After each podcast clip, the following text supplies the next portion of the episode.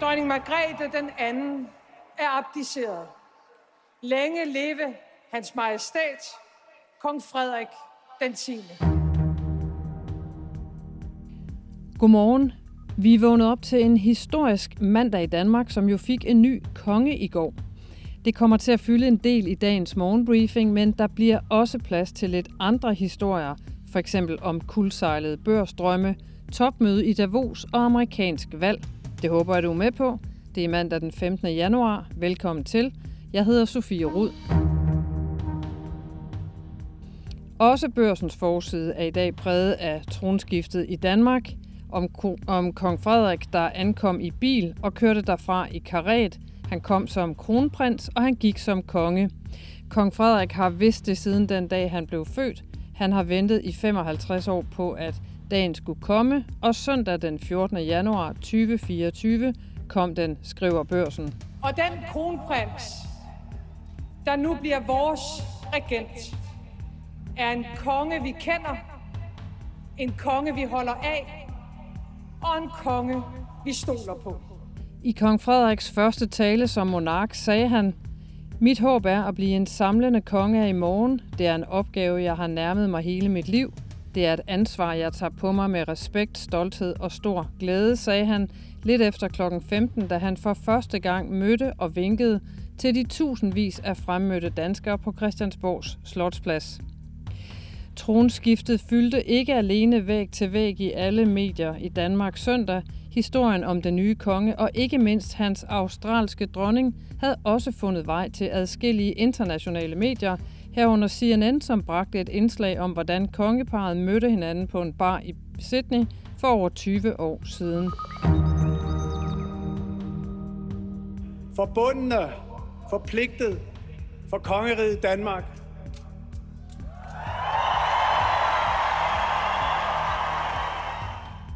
Sådan lyder kong Frederik den 10. nye valgsprog. Valgsproget er en tradition, der kan spores mere end 500 år tilbage. Men dette valgsprog er kong Frederik den 10. den første monark i syv generationer, som udlader Gud eller Herren. Lykkeønskninger og hyldester til det danske kongehus strømmede fra hele verden søndag, og dansk erhvervsliv var bestemt ikke en undtagelse. På sociale medier hyldede virksomheder som Carlsberg, Grundfos og Vestas det nye kongepar, og sidstnævnte, altså ikke det nye kongepar, men Vestas, ilede også på LinkedIn med en invitation til at besøge virksomheden, som monarken har gjort det før. Hvis du har lyst til flere detaljer om det nye danske kongepar, er der billeder og en fyldig dækning hos børsen i dag, print og online.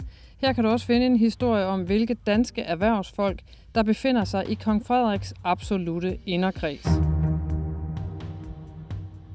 Og nu til noget helt andet. Børsen kan i dag fortælle om, at visionen om en børsnotering er glædet ud i sandet for flere danske selskaber, der for få år siden var langt med planer om at gå i handlen på børsmarkedet. Men i stedet for at ramme kurslisten, er flere aspiranter til de danske vækstbørser nu havnet på konkurslisten. Kort før årsskiftet måtte for eksempel de tidligere børskandidater cleantech-selskabet SteriSafe samt hotelplatformen Cotel dreje nøglen om. I snart to år har markedet for nynoteringer på vækstbørserne været dødt uden en eneste notering, efter at 55 selskaber gik på i perioden 2017 til 2022. Finans har talt med Børge Brande, der er præsident for World Economic Forum. Det er den organisation, der holder årsmøde hver år i Davos. Og det møde, hvor næsten 3.000 globale ledere mødes, begynder officielt i dag mandag aften.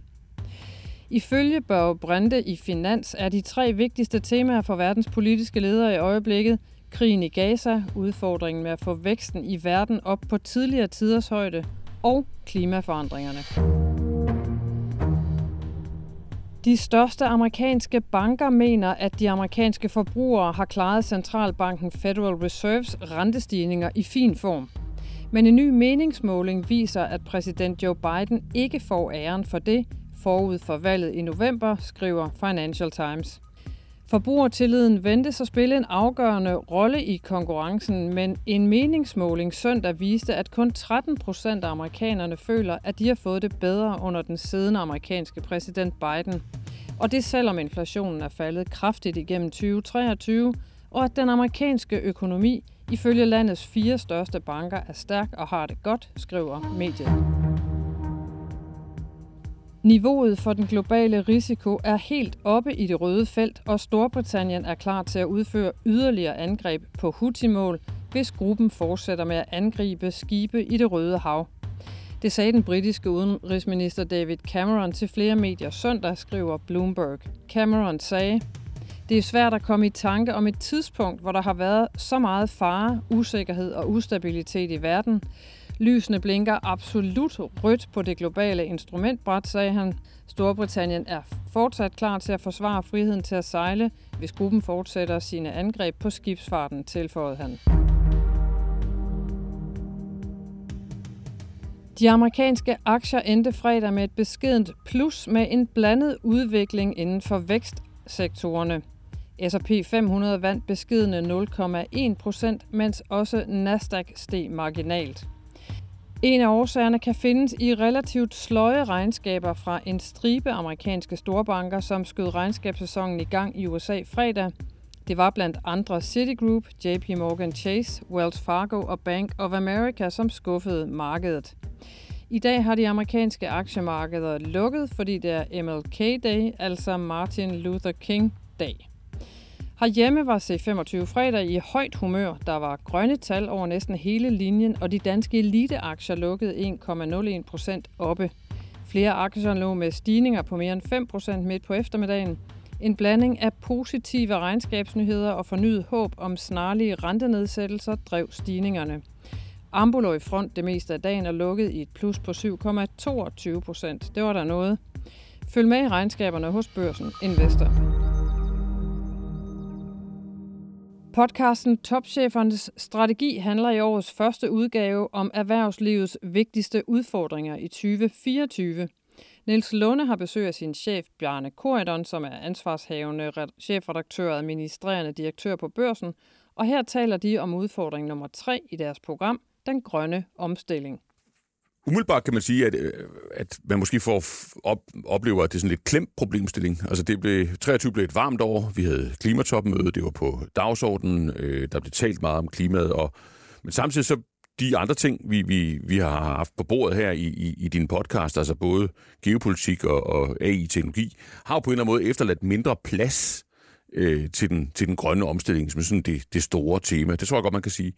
Men det tror jeg ikke, man skal tage fejl af, fordi samtidig med, at det sådan bliver klemt, så begynder det også at blive alvor. Øh, og det begynder jo ikke alene at blive alvor sådan i forhold til selve klimaet, altså temperaturstigninger, og at vi, vi nærmer os nogle deadlines, som, som ser alvorlige ud. Det begynder jo også at blive alvor på den måde, at det her det begynder at blive en, en rigtig global industri. Altså det, det er ikke bare en, øh, en industri, nogle virksomheder, der sådan trives i udkanten af, af sådan den store, dominerende økonomi, der begynder nu at tegne sig et, et sådan rigtigt stort og alvorligt spil om, jamen, hvad er det for nogle lande, hvad er det for nogle økonomiske blokke, og hvad er det for nogle virksomheder, der skal dominere øh, den her industri. Og det bliver jo i høj grad noget, der handler om, jamen, hvem kan blive størst først og mest effektivt.